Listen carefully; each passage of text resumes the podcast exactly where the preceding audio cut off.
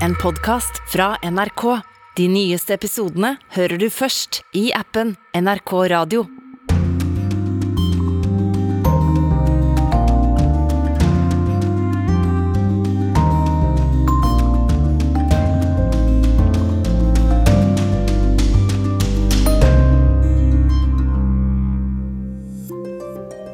Hvorfor er alle amerikanske politikere så gamle? Nå kan det omsider se ut til at 80-åringene blir bytta ut, og et generasjonsskifte er på gang. Hvorfor er det bare studenter som tør å demonstrere mot myndighetene i Kina? Nå kan det se ut til at presidenten faktisk kommer dem bitte lite grann i møte. Hvorfor holder franske fabrikker stengt om dagen, mens de jobber for fullt om natta? Et blikk på strømregninga i vinter kan gi en idé om svaret. Og hvorfor er det feil å ta bilde av seg sjøl sammen med fattige afrikanske barn og legge ut på Facebook? Vår mann i Kenya blir småsvett og flau av å se igjen det gamle profilbildet sitt. Velkommen til Urix på lørdag. Jeg heter Tore Moland og har, som du hører, litt av hvert jeg lurer på her i verden. Vi begynner i USA, der Det demokratiske partiet har valgt seg nye ledere denne uka. Det vil si, Toppsjefen er jo fortsatt den samme gamle, president Joe Biden, som akkurat har fylt 80 år. Men bak ham så er det nå en betydelig yngre og litt mer fargerik trio som er i ferd med å ta plass. Og vi skal rett og slett la dem få lov å presentere seg sjøl.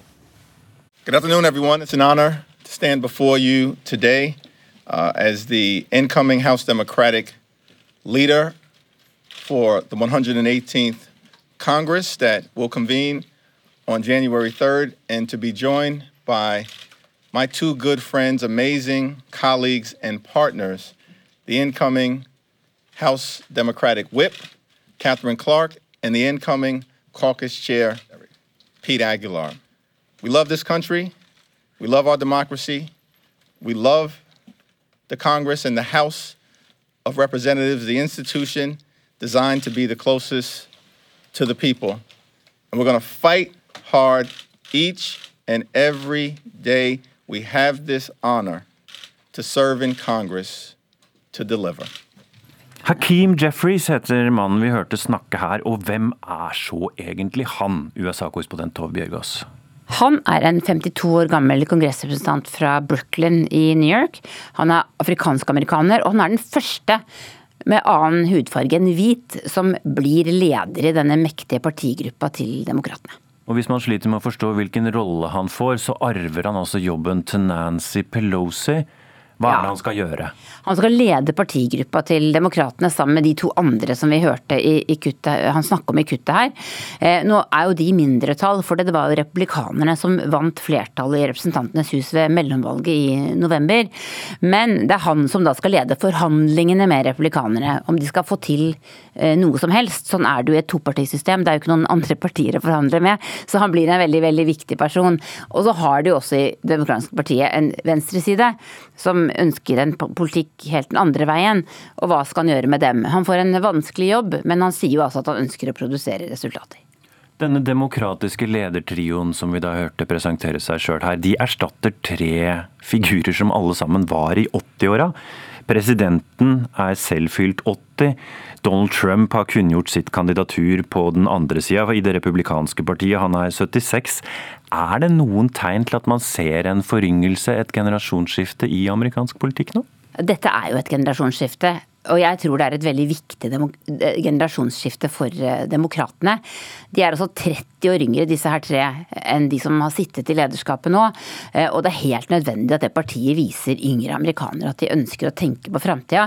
Og demokratene er jo også partiet som ønsker å favne etniske minoriteter og andre typer minoriteter i USA. Eh, og da ser denne ledertrioen helt annerledes ut enn de som har sittet der tidligere. Og det er et viktig signal å sende både til yngre politikere og til velgerne. Eh, nå er de alle tre relativt eh, moderate innad i partiet, men likevel så, så er det, det er et viktig signal, men også helt nødvendig. Ser vi det samme tegnene til fornyelse på republikansk side? De har allerede ganske mange unge. altså De har jo også mange gamle politikere, men de har ikke hatt så gamle folk i ledelsen. Og Kevin McCarthy, som nå blir såkalt speaker of the house, altså leder i Representantenes hus, nummer to etter presidenten og visepresidenten, han er jo knapt 50. Litt over 50 kanskje, jeg husker ikke helt. Eh, så, så de har allerede flere yngre, og de har også bl.a. Ron DeSantis, som kan bli presidentkandidat, som er guvernør i Florida, som er gått nede i 40-årene. Vi skal se litt nærmere på Det republikanske partiet også, og der dukker det jo også fort opp et uh, litt eldre navn som vi kjenner fra før, Donald Trump. Lars Os har vært i Florida og sett litt nærmere på ham og hans støttespillere. Vaiende flagg, den varme Florida-brisen en sen kveld setter umiddelbart stemninga. På brua som knytter West Palm Beach til fastlandet, står rundt 150 personer euforisk. De har kommet for å overvære den veldig lite hemmelige planen dommers tidligere president har hinta til i snart ett år. Jeg går bort til to kvinner som holder opp en stor pappfigur av idolet sitt. Hun smiler pent til meg når jeg spør om å få snakke med henne, men hun er ikke villig til å gi meg navnet sitt.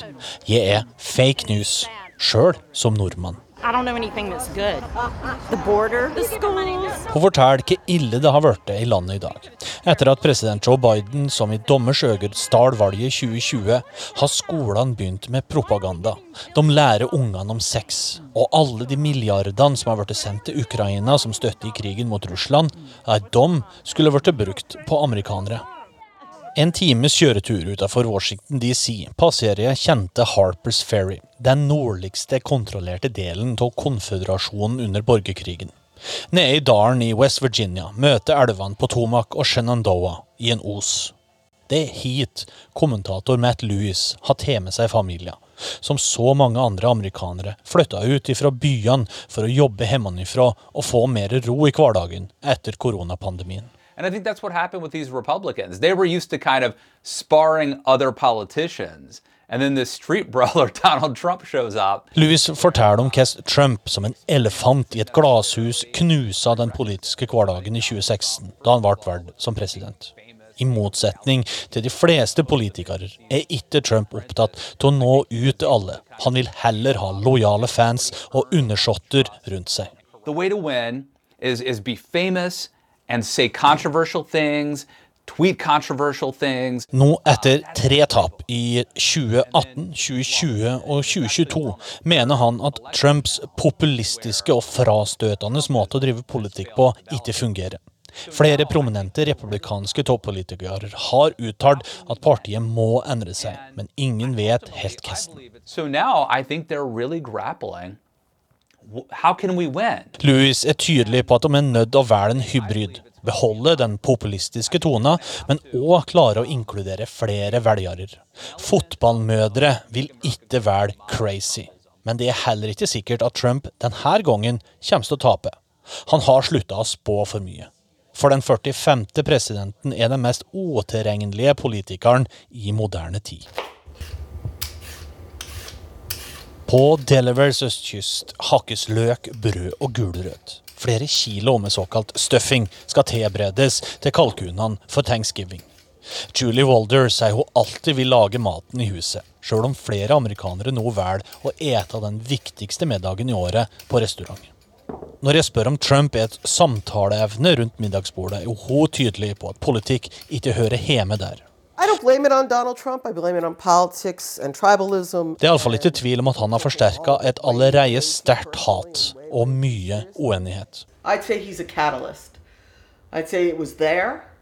And he lit the fire. Walder har jobba for republikanerne i flere tiår. Samla inn penger til valgkamper og bygd opp kandidater. Den store endringa i partiet har vart i mange år. Hun mener amerikanerne i dag er for opptatt med det sensasjonelle.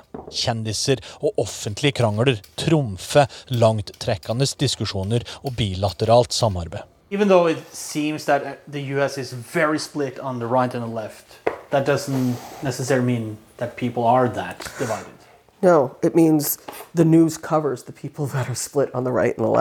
Spesielt to ting er viktige faktorer for dagens situasjon. Gerrymandering og nyhetskanalene.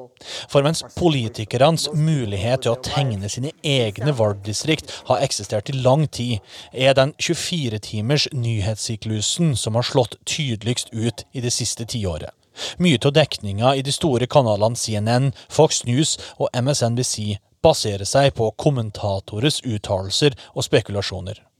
I tillegg blir mange av nyhetsankerne òg anklaga for å mene mer enn det de bør. Hun mener nyheter bør være nyheter. What's going on with Donald Trump is the last grasp of the mediocre white man. Men Julie mener òg en viktig faktor er at den hvite amerikaneren snart er i undertall, kanskje i løpet av 2040-2045.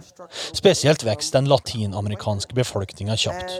Hun er positiv til utviklinga, men er tydelig på at mange amerikanere er redd for endring.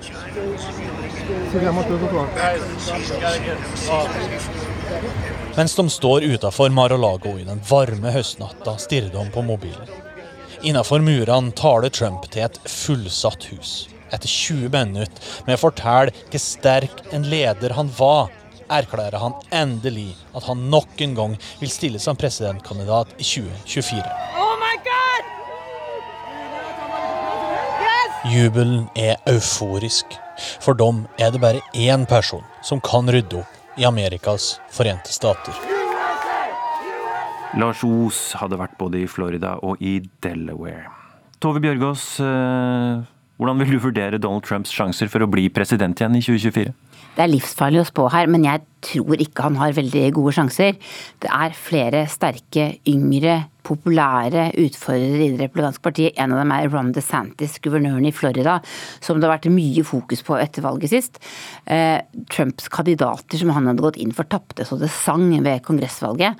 Det gjorde ikke DeSantis. Men når det er sagt, Trump kjører på, som vi hører, for fullt. Eh, og han, han flytter seg også, også til, til høyre nå i starten av sin tredje presidentvalgkamp.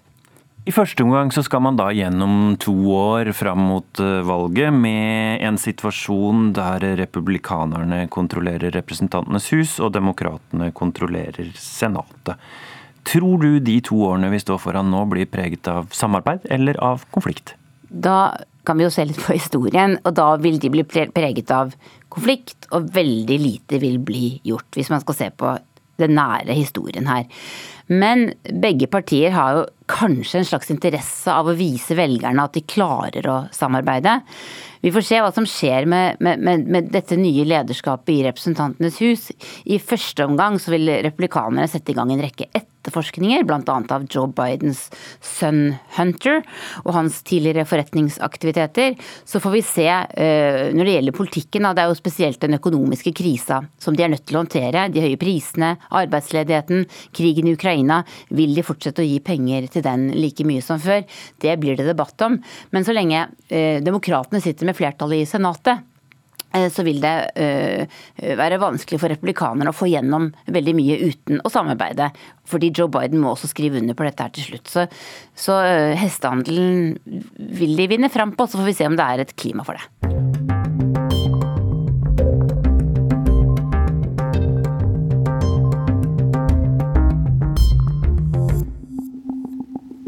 Så skal vi til helvete på jord. For det er det det blir kalt, kampene som nå pågår rundt byen Bakhmut øst i Ukraina. Nesten hver eneste dag siden i sommer har russerne gjennomført nye angrep, uten særlig framgang. Og nå er det vinter, vått, kaldt og gjørmete, og krigen ligner mer og mer på den utmattende stillingskrigen som fant sted under første verdenskrig. Kollega Halvard Sandberg gjør opp status.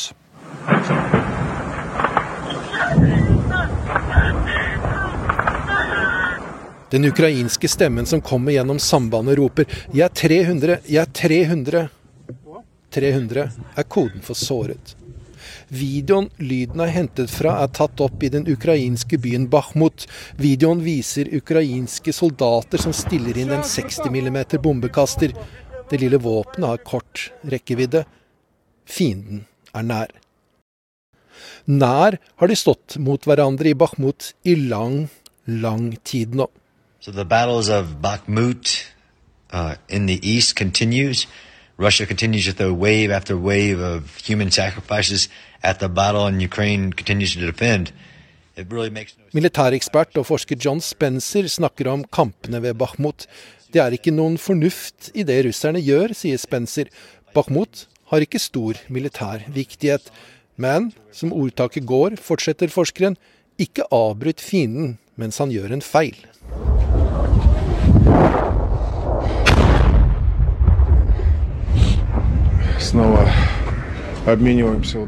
En russisk journalist er ved frontlinjen og forteller om ukrainsk artilleri som slår ned nær ham. I russiske statskontrollerte medier er det mye snakk om Bakhmut. Men historien som fortelles, er at russerne her slakter ned den ukrainske hæren. Og at det er hele formålet med operasjonen. Å kjøre ukrainerne gjennom det som blir kalt kjøttkvernen Bakhmut, for å svekke de ukrainske styrkene, slik at videre russisk fremrykning blir lettere. Kjøttkvern er det, men den som blir kvernet mest, ser ut til å være angriperen, russerne, det er ikke mulig å bekrefte anslagene på døde og sårede, ikke de russiske og ikke de ukrainske. Militæreksperter som John Spencer mener russerne mister fem soldater for hver ukrainer som faller. Uansett renner det mye, mye ukrainsk blod. New York Times var ved et feltsykehus i Bakhmut. De fikk opplyst at det torsdag i forrige uke kom 240 sårede ukrainere til dette sykehuset. Ой, ебать, сейф нас! Кай, мусак, сука! Hva, блядь? Intens kamphandling fanget opp i en ukrainsk stilling ved Bakhmut i forrige uke. Soldatene forsøker å eksponere seg så lite som mulig. De skyter med våpnene høyt hevet, og greier med det ikke å sikte. Det de forsøker er å sende ut så mye ild at de angripende russerne holder seg tett i bakken. Likevel er det klart at russerne har hatt fremgang den siste uken. Viktige ukrainske forsvarsstillinger har gått tapt. Ukrainerne hevder det ikke er noen fare nå for at Bakhmut faller, og det betyr at det som kalles helvete på jord, vil fortsette. Добрый день. Вот посмотрите, в каких условиях ребята живут. Отдыхают после поста. En video fra en ukrainsk skyttergrav forklarer litt av hvorfor striden i Bakhmut beskrives slik. For det er under mildt sagt dårlige forhold russerne og ukrainerne nå slakter hverandre ned. Alt er vått i skyttergraven, alt er gjørmete. Det er store dammer rundt der de møkkede soldatene kryper seg sammen. Forholdene, spesielt gjørmen, har fått mange til å sammenligne Bakhmut med et av de mest beryktede slagene under første verdenskrig. It was mud, mud everywhere, mud in the trenches, mud in front of the trenches, behind the trenches. Every shell hole was a sea of filthy, oozing mud. I was tired of seeing infantry sinking back in that morass, never to come out alive again. I was tired Den britiske soldaten John Palmer forteller i et opptak for Imperial War Museum om gjørmen som preget hans opplevelse av slaget ved Passchendaele i 1917. Gjørmen var overalt. Gjørmen slukte mennesker og slapp dem ikke ut igjen. Gjørmen gjorde at jeg nådde det punktet hvor jeg ikke hadde mer å gi. You just could not go any further, and that's the point I'd reached.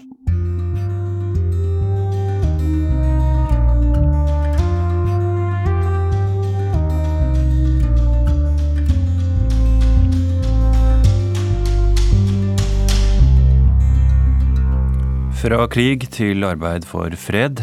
Neste lørdag, omtrent på denne tida, mottar menneskerettighetsforkjempere fra Ukraina, fra Belarus og fra Russland Nobels fredspris her i Oslo. Fra Russland kommer representanter for Memorial. Organisasjonen har røtter 35 år tilbake, og har dokumentert drap, fengslinger og politisk undertrykkelse fra Stalins tid fram til i dag. I fjor bestemte russisk høyesterett at deler av Memorial skulle tvangsoppløses. то у нас примерно миллион сто тысяч были расстреляны за годы советской власти. и еще 4,5 миллиона отправлены в лагеря. Hvis vi tar de politiske fangene, så var det 1,1 millioner som ble skutt i løpet av sovjettiden. 4,5 millioner ble sendt til leire, og enda 6,5 millioner ble deportert til Sibir fordi de eide for mye eller tilhørte en nasjonalitet som sovjetledelsen ikke stolte på. Sier Jan Raczynski, matematiker, historiker og leder for Det internasjonale memorial, som nå på papiret ikke eksisterer.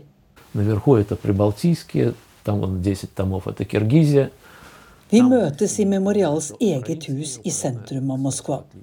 Skjønt eget. Myndighetene har gått til retten for å kaste dem ut. Det betyr ingen bankkontor, ingen penger til å betale lønninger med. På veggene henger bilder av Memorials grunnlegger, fredsprisvinner Andrej Sakharov, og i bokhyllene står bøker med navnene til en del av de millionene som ble skutt eller sendt til fangeleir for å bygge landet gratis.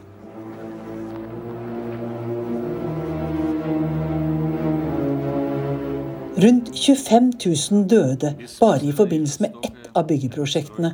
Kanalen som forbandt Kvitsjøen i nord med Østersjøen i sørvest. Mot slutten av 1930-tallet ble 700 000 mennesker skutt. De fleste av dem unge menn som kunne deltatt i kampen mot Hitler-Tyskland. Jan Raczynskis farfar var en av dem.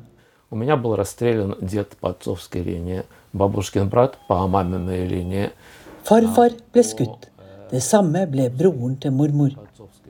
Morfaren min skulle vært skutt, men så ble dødsstraffen opphevet. Derfor kom mor til verden. Og jeg, ler han kort, som om det er å bli vel privat. Og hva mener så president Putin om Stalins massedrap og politiske fanger? Jo, for fem år siden deltok han under en åpning av minnesmerket Sørgeveggen her i Moskva. Никаких оправданий этим преступлениям быть не может. Политические репрессии стали трагедией для всего нашего народа, для всего общества. Det finnes ingen rettferdiggjøring av disse forbrytelsene. Politisk undertrykking ble en tragedie for hele vårt folk, for hele samfunnet. Det er vår plikt å ikke tilgi ettersom tiden går. Å bevare minnene i hukommelsen som en klar advarsel mot at noe lignende gjentas. Sa altså president Putin i 2017. Hvorfor har han da fått Det internasjonale memorial stemplet som utenlandsk agent, og så oppløst fordi de ikke opplyste ofte nok om at de var agenter? Думаю, что никогда ему не нравился мемориал, потому что главная идея Путина – это идея государства. Вот государство превыше всего. Jeg tror aldri Putin har likt memorial. For hans hovedidé, det er staten. Staten står over alt. Folk, de er bare byggeklosser, sier Raczynski. Ute ved det minnesmerket som Putin åpnet for fem år siden, er det nesten ingen unge som vet hva memorial er. Men et eldre ektepar vet, og har sterke meninger.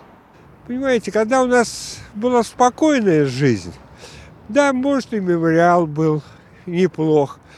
Når vi hadde rolige tilstander i landet, da var det kanskje ikke så dumt med memorial. Men i dagens situasjon, da verden er delt i ulike leire, da blir memorial en antirussisk organisasjon, sier Igor Grigorjevitsj. Kona Lena Vasiljevna er helt enig. Это не тот момент сейчас. Сейчас нужно сделать то, чтобы наоборот успокоить народ и найти консенсус какой-то. Dette er ikke riktig øyeblikk. Nå må en i stedet berolige folk og finne kompromiss, ikke oppildne folk, sier Lena. Og hva skjer så med organisasjonen Memorial, når både den internasjonale delen og Senteret for menneskerettigheter er nedlagt av Høyesterett? Memorial er fra starten en samling likestilte organisasjoner. Mange av dem fortsetter å eksistere. Oppløsningen av to organisasjonene berører dem ikke formelt, sier Raczynski. Så advokater og aktivister vil fortsette å hjelpe politiske fanger og mennesker som leter etter likviderte forfedre og formødre. Men det skjer i det stille. Og når Rashinski møter pressen i Oslo neste lørdag, skal han fortelle hva prispengene skal brukes til. Men de skal helst brukes uten at nye mennesker eller grupper blir stemplet som agenter. Det var eh, vår Moskva-korrespondent Gro Holm som hadde møtt lederen av Internasjonale Memorial, før han også kommer til Oslo kommende uke.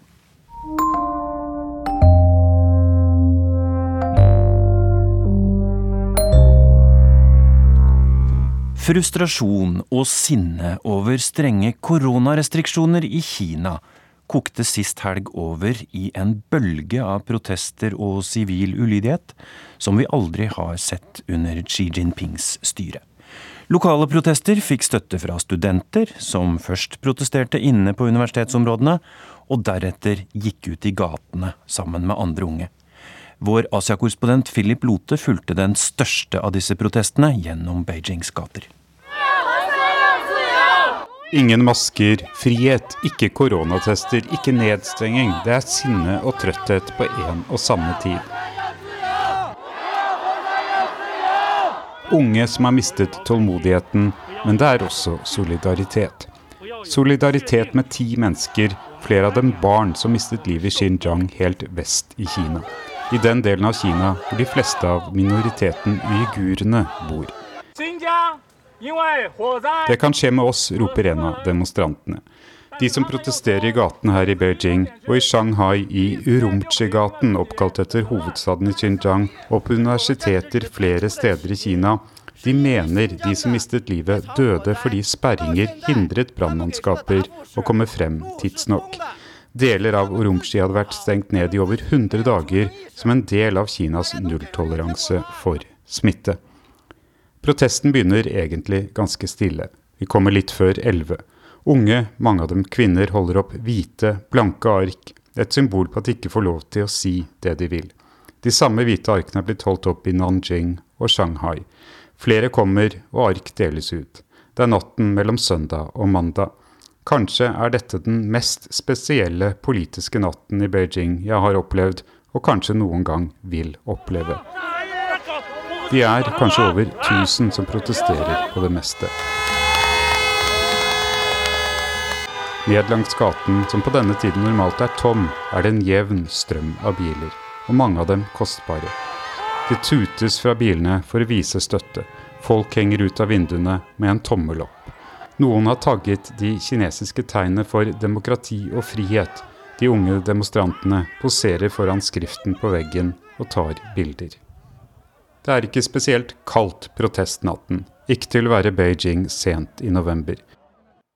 Et døgn senere har temperaturen falt til effektive 10-12 minusgrader. Det er kraftig vind, og gatene er tomme. Det er like ved de store universitetene Tsinghua, Beijing-universitetet, Folkets universitet. Det er nå etterspillet begynner. Store politistyrker er utplassert, gatelysene delvis slått av. Lysene fra politibiler, rødt og blått, lyser sterkest denne kvelden etter protestene. Folk på metrostasjonene blir avhørt av politi, mobilene deres sjekket om de har utenlandske sosiale medier som Telegram og Twitter. I Shanghai går politiet gjennom T-banevogner og gjør det samme. Sjekker passasjerenes telefoner. Ifra studenter får NRK høre at de tror politiet nå har folk på innsiden av de største chattegruppene hvor nye protester kunne bli planlagt.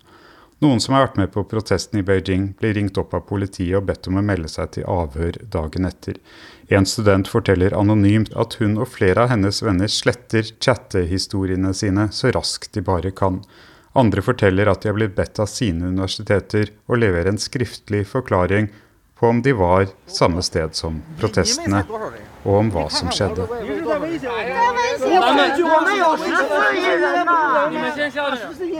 I Shanghai endte protesten i sammenstøt med politiet. Noen ble arrestert. I Beijing ender de roligere. 就 Studentene synger Internasjonalen og nasjonalsangen for å vise at de også har eierskap til patriotisme i kinesiske farger. Da demonstrantene blir færre og politiet flere, går politiet inn og avslutter demonstrasjonen. Uten sammenstøt, etter det vi kunne se. Så fire-fem dager senere kunngjør myndighetene flere lettelser. Mindre streng karantene, ikke de samme kravene til testing. Noen av de stengte områdene åpner. To spørsmål melder seg. Virket protestene? Og hva skjer videre med de unge som politiet vet var der og deltok i protestene?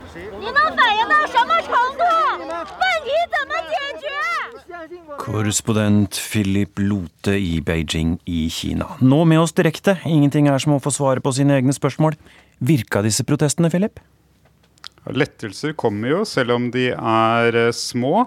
Eh, og Xi Jinping skal faktisk i samtaler med EU-presidenten Charles Michel, som var her på torsdag, ha sagt at han mente at dette var frustrasjon som hadde kokt over etter tre år selv. At han forsto det, og at mange av de var unge. Så vet vi ikke hva Ski synes om at EU e lekker hva som har blitt sagt i denne samtalen, men det er jo et viktig hint om at uh, noen har, enten det er studentene eller andre, har nådd helt fram til presidenten her.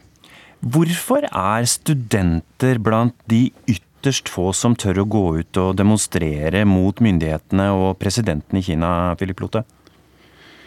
Disse er unge, de er privilegerte. De, er egentlig, de, tilhører den unge eliten, og de har egentlig aldri blitt fortalt at det er noe de ikke kan gjøre. Uh, og når de blir holdt nede i tre år, uh, så koker det også over for dem. Og så er jo dette en generasjon som har lært at de kan gjøre en forskjell.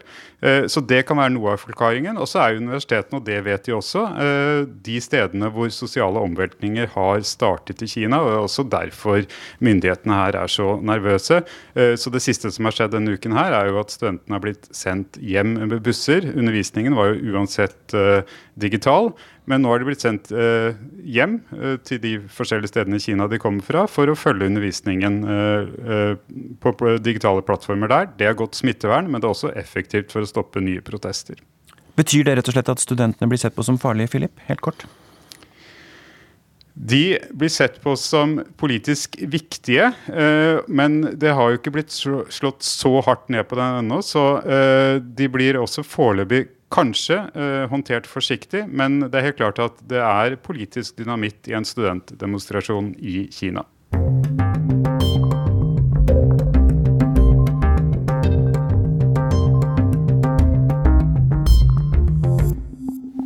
Kosovo og Serbia har i lang tid krangla intenst om bilskilt.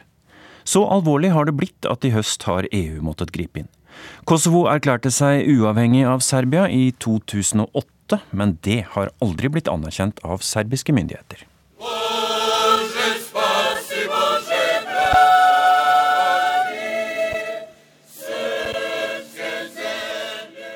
Serbias nasjonalsang synges under et protestmøte i Mitrovica, en by i den nordlige delen av Kosovo.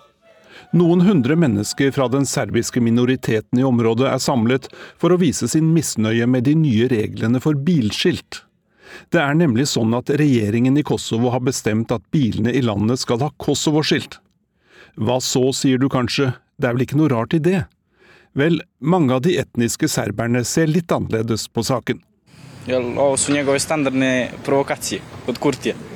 Dette er en vanlig provokasjon fra statsministerens side, men vi vil nok lykkes til slutt, sier denne mannen. Det finnes ikke to typer serbere, men det er to typer politikk for serbere i Kosovo, sier en annen. Mange av serberne i Kosovo bruker bilskilt som myndighetene i Serbia har utstedt. Men i høst sa regjeringen i Kosovo at det ikke lenger kommer til å være lov. De som fortsetter å kjøre med serbiske skilt vil få bøter, og bilene kan bli beslaglagt. Det kosovo-albanske flertallet i befolkningen støtter innskjerpingen av reglene.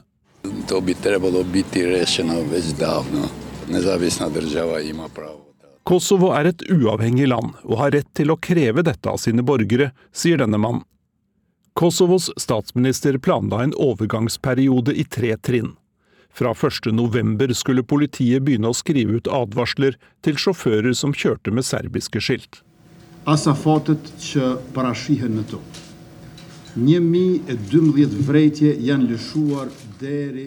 Vi ønsker å ha en rettsstat. Det er ikke et valg, det er en forpliktelse, sa Kosovos statsminister Albin Kurti. Men protestene ble sterke blant de etniske serberne i nord. En av politiets sjefer sa det slik. Zajedno sa svojim kolegama doneli smo zajedničku odluku da podnesemo ostavku. Jeg og mine kollegaer har bestemt oss for å slutte i politiet og støtte vårt folk. Nok er nok, sa politikaptein Aleksandar Filipovic på en pressekonferanse. De siste ukene skal om lag 600 politifolk, politikere og ansatte i påtalemyndigheten ha trukket seg i protest i den nordlige delen av landet.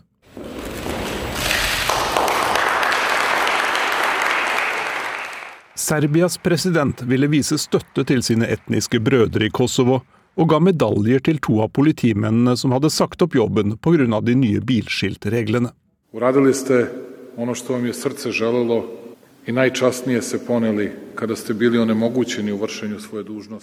Dere gjorde det som hjertet fortalte dere og handlet ærefullt da dere ble hindret i å utføre deres plikt. Dere forsvarte det serbiske folk og vår kultur, sa president Aleksandar Vucic i Beograd. Konflikten mellom Kosovo og Serbia ble trappet så kraftig opp at ledelsen i EU så seg nødt til å gripe inn. Det ble satt i gang forhandlinger, og for en ukes tid siden ble det oppnådd en delvis enighet. Den går ut på at serbiske myndigheter inntil videre ikke skal lage flere bilskilt til de etniske serberne i Kosovo. Og politiet i Kosovo skal inntil videre ikke gi bøter til sjåfører som kjører med skilt som kommer fra Serbia. EUs ledelse kom med en advarsel. I would like to point out that we also agreed that in case of obstruction by either party, the EU facilitator may terminate. Hvis gjennomføringen hindres av en av partene, kan EU avslutte prosessen, sa unionens utenriksansvarlige Josef Borrell. Kosovos statsminister understreker at det ikke er oppnådd enighet om bilskiltene i landet, men at forhandlingene skal fortsette og inntil videre kan biler med serbiske skilt fortsatt kjøre rundt på veiene i Kosovo. Og siste nå er at Serbias president har kunngjort at han boikotter et planlagt toppmøte med EU og andre land på Balkan pga. denne bilskiltkrangelen. Det var Jan Espen Kruse vi hadde sendt ut for å notere serbiske og kosovo-albanske bilskilt.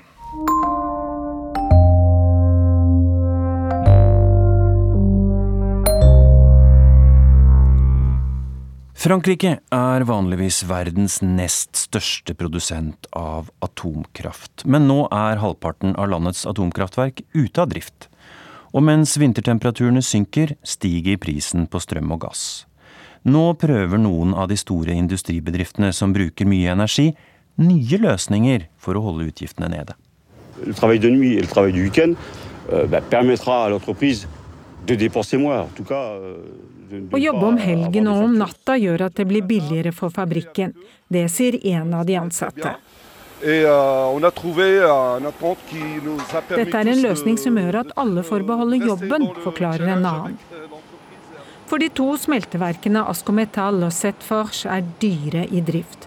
Det koster å varme opp ovner som skal holde temperaturer på godt over 1200 grader. Bare på det ene smelteverket har utgiftene steget fra 8 millioner euro til 30 millioner i året. Nå jobber de når strømmen og gassen er billigst, forklarer Michel.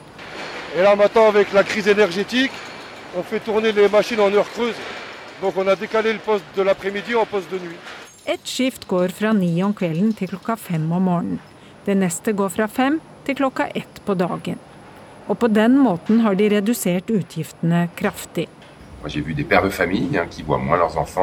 Industriminister Roland Rescur kom på besøk og ble imponert. Jeg har snakket med fedre som knapt ser barna sine, og som ikke får vært til stede når de skal legge seg, forteller han. La oss håpe dette ikke trenger å vare for lenge, men han tror ikke situasjonen blir stort bedre med det første. Og det er ikke bare metallindustrien som sliter. Ett og ett glass går forbi en kraftig flamme, slik at det blir herdet. Temperaturen er oppe i 1400 grader her, og siden januar er denne brenningen bare blitt dyrere og dyrere. Det forteller José Louis Jacona i den kjente glassfabrikken Duralex. Les prix de l'électricité et du janvier 2021 à janvier 2023 se seront multipliés par 22 et par 18. Fra januar i fjor til januar neste år er strømmen i totalt blitt 22 ganger dyrere, forteller han. Og gassen er blitt 18 ganger dyrere. Prisene er rene galskapen, sier han til nyhetsbyrået Reuters. I første omgang har de nå trappet ned produksjonen i fire måneder.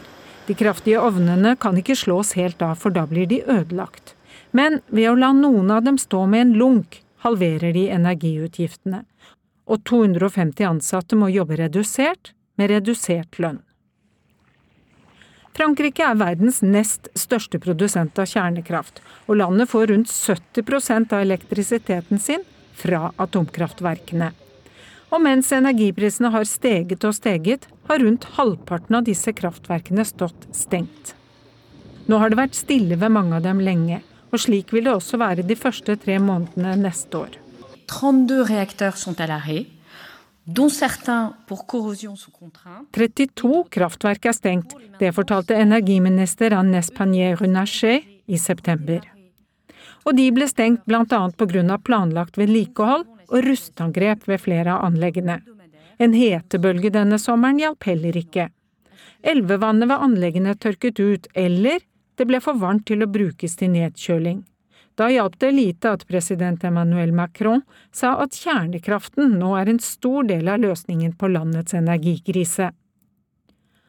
Og nå er det gamle målet om å stenge flere av landets atomkraftverk glemt. Tvert imot, det planlegges å bygge seks nye atomkraftverk det neste tiåret, men det er jo ikke gjort i en feil.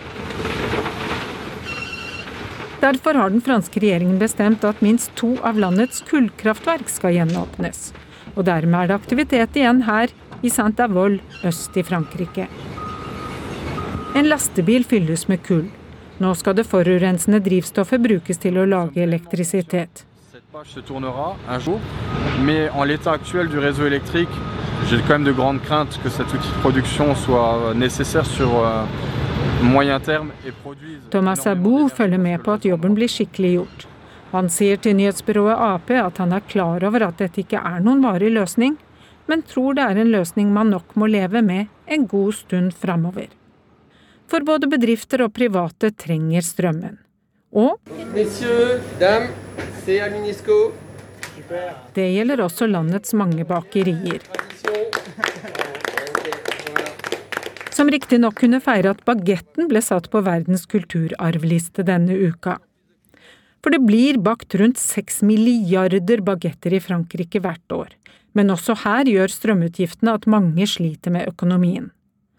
Så for å håndtere disse strømregningene kunne man kanskje ønske seg det som på fransk heter en baguette magique – en tryllestav. Den magiske bagetten ble servert av Marit Kolberg. Brasil får ny president ved nyttår, og en overgangsregjering er for lengst i gang med å forberede maktskifte. Lula da Silva skal overta makta etter høyrepopulisten Jair Bolsonaro. Og det, det ser Norge positivt på, fastslår den norske ambassadøren i Brasil, Odd Magne Ruud. Fra en litt sånn negativ stemning med forrige president, så er vi nå i en veldig positiv stemning med den nye presidenten som kommer. Ambassadør Odd Magne Ruud snakker begeistret om utsiktene for norsk-brasiliansk samarbeid, ikke minst når det gjelder Amazonasfondet for bevaring av regnskogen. Lula har jo nevnt Norge og dette Amazonasfondet i flere omganger, både i valgkampen og nå i etterkant.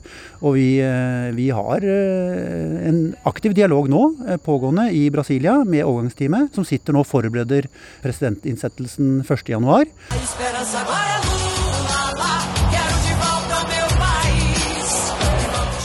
Lula da Silva vant en knepen seier ved presidentvalget den 30. oktober og tar nå fatt på sin tredje periode som Brasils leder. Da jeg intervjuet ham tidligere i år, sa han dette om sitt forhold til Norge. Então eu estou convencido que a Noruega é um país padrão jeg er overbevist om at Norge bør være et forbilde for Brasil. Vår drøm er å oppnå en slik levestandard og et så rettferdig samfunn. Hvis jeg vinner valget, vil jeg gjenoppta det gode forholdet vi hadde til Norge forrige gang jeg var president, sa Lula da Silva i intervjuet med NRK.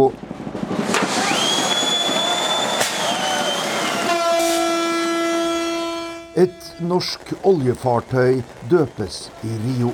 Året er 2010, og norske bedrifter har strømmet til Brasil for å ta del i oljeeventyret i Lula da Silvas første regjeringstid. I dag er de norske investeringene i Brasil kommet opp i 250 milliarder kroner. Bare EU og USA er større, sier ambassadør Odd Magne Ruud. Vi har en fantastisk posisjon når det gjelder energi i dette landet. Eh, Equinor er stor her, Yara på gjødsel, Hydro på aluminium. Jeg kan nevne i fleng, Det er jo over 100 norske selskaper som er aktive her.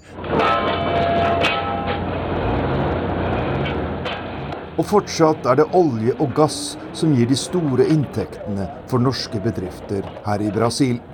Mens oljealderen er på hell i Norge, er den så vidt startet her i Brasil, og reservene er enorme. Likevel ser ambassadøren store muligheter for å få til et grønt skifte i brasiliansk samfunns- og næringsliv. Og norske bedrifter vil bidra, sier han. Alle firmaene vil gjerne være med på det grønne skiftet. Og Brasil har jo et enormt potensial på sol, på vind, både offshore og onshore, og på hydrogen. Sist uke hadde vi ni norske selskaper som reiste rundt i, i Brasil for å fremme norsk hydrogenteknologi. Så det er veldig, veldig spennende det med det grønne skiftet. Og det er altså Amazonas som står øverst på dagsordenen for Norge i Brasil akkurat nå. Kampen for å redde regnskogen er Norges største internasjonale klimasatsing, men de siste årene har vært en stor skuffelse.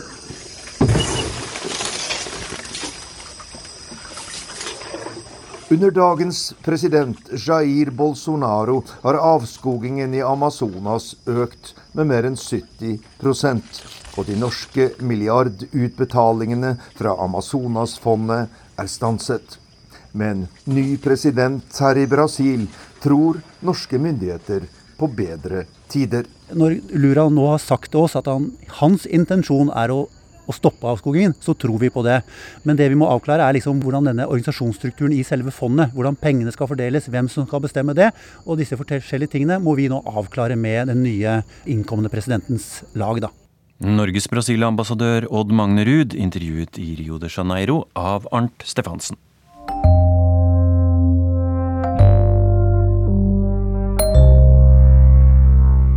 Ukas korrespondentbrev kommer fra Kenyas hovedstad Nairobi. Der har en litt beklemt Afrikakorrespondent Vegard Kjørom funnet igjen et gammelt profilbilde av seg sjøl på Facebook. Jeg satt på huk med et barn i fanget og et annet barn stående ved siden av meg. Vi smilte alle til kamera, og så sa det klikk. Jeg var i en landsby i Sør-Afrika sammen med resten av folkehøyskoleklassen min. Vi gikk på ei bistandslinje og hadde vært i landsbyen noen dager. Nå hadde jeg fått festa et minne til minnekortet. Vi hadde leika en del med barna de dagene vi var der. Dagen etter at bildet var tatt, så reiste vi videre. Vi nøyt livet som turister i Sør-Afrika, sto på surfebrett, klatra fjelltopper, drog på shoppingsenter og safari. Med meg tilbake til Norge hadde jeg mange gode minner, og deriblant dette her bildet av meg og de to barna. Jeg visste ikke navnet deres, eller hvor gamle de var, Foreldra deres hadde jeg aldri møtt, og enda mindre spurt om lov til å fotografere barna deres. Men jeg tok meg jo bra ut på bildet, så hva var vel da mer naturlig enn å legge det ut som profilbilde på Facebook? Og bildet ble liggende slik, selv om jeg bytta profilbilde flere ganger. De to smilende barna holdt fram å smile til de som besøkte Facebook-sida mi, helt til i fjor. Jeg kjeda meg sikkert litt og bladde bakover profilbildene mine, jeg ble helt svett av å se bildet som jeg hadde lagt ut 14 år tidligere. Jeg skal være ærlig. Bildet hadde havna på Facebook fordi jeg hadde et behov for å vise meg fram som en omtenksom og snill type. Men hvorfor visste jeg at et bilde av meg og to barn ville få mange til å tenke slike tanker om meg? Jo, fordi barna var afrikanske, og nordmenn var vane til å bli fortalt at afrikanere er folk som trenger hjelp og omsorg. Det var det som gjorde meg sveit. Å innse at det var slik det hang sammen. Kanskje har du hørt om White Savior Complex, en slags idé om at den hvite mann redda den svarte. Det å hjelpe andre er jo noe bra, men det må gjøres uten å stakkarsliggjøre andre. Og det å hjelpe andre må aldri handle om at du sjøl skal framstille deg som en helt. Da er vi ute å kjøre. Og la det være helt klart, de to barna i Sør-Afrika fikk null hjelp fra meg, og sannsynligvis trengte de ikke noen form for hjelp heller. Likevel framstilte jeg hele situasjonen som om jeg var noe mer enn en vanlig turist da jeg reiste til Sør-Afrika. Året etter folkehøgskolen reiste jeg på ny til Afrika, denne gangen til Kenya. Det var da jeg så smått begynte å forstå at en norsk 19-åring faktisk ikke er den som var best kvalifisert til å passe på eller undervise afrikanske barn. Men jeg hadde penger nok til å betale for et opphold på seks måneder. Jeg reiste ned med en tanke om at jeg skulle bety en forskjell for andre.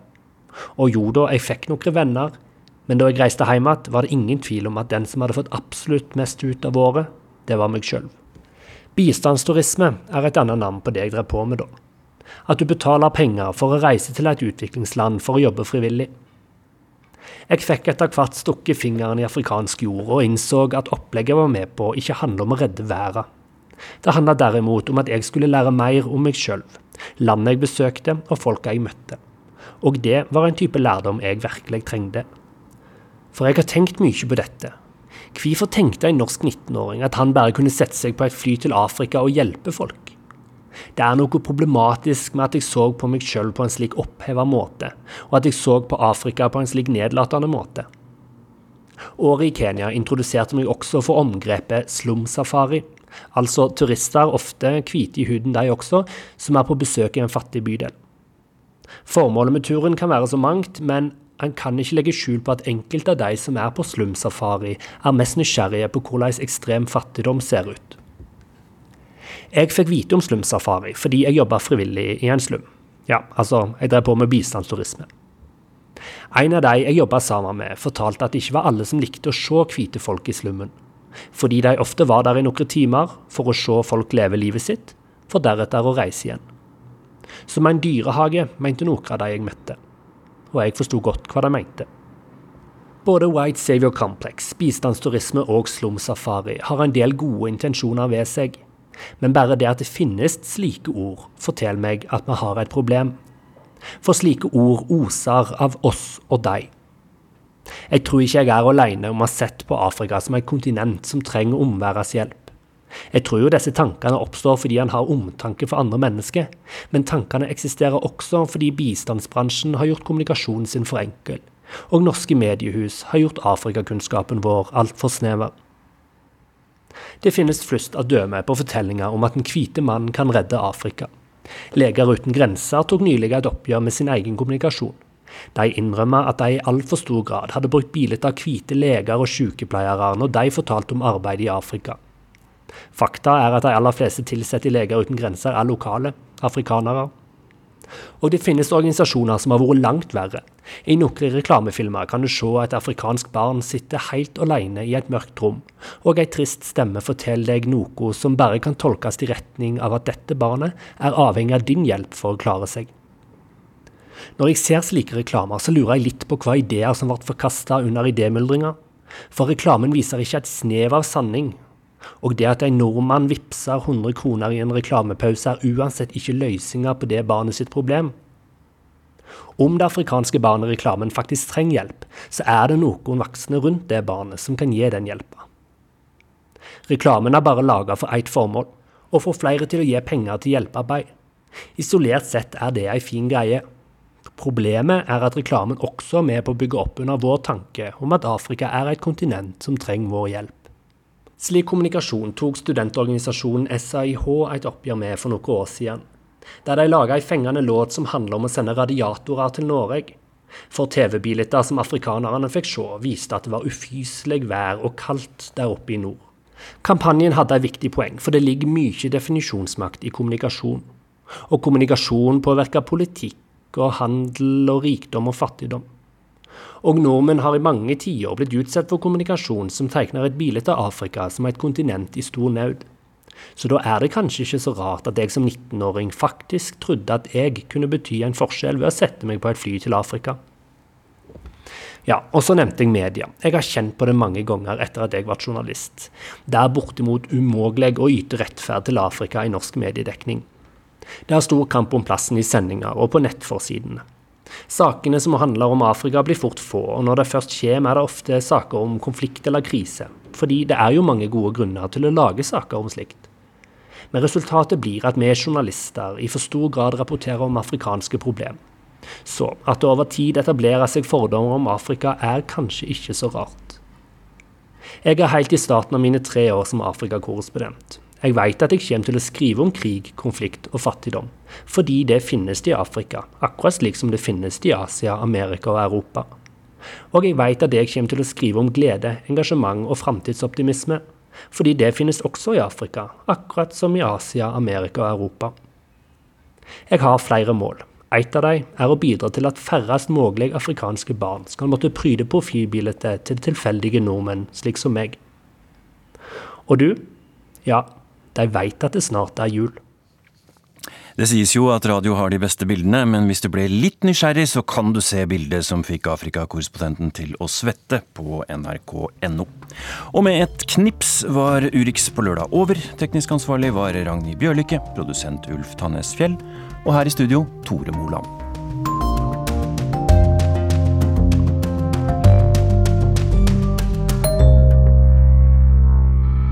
Du har hørt en podkast fra NRK. De nyeste episodene og alle radiokanalene hører du i appen NRK Radio.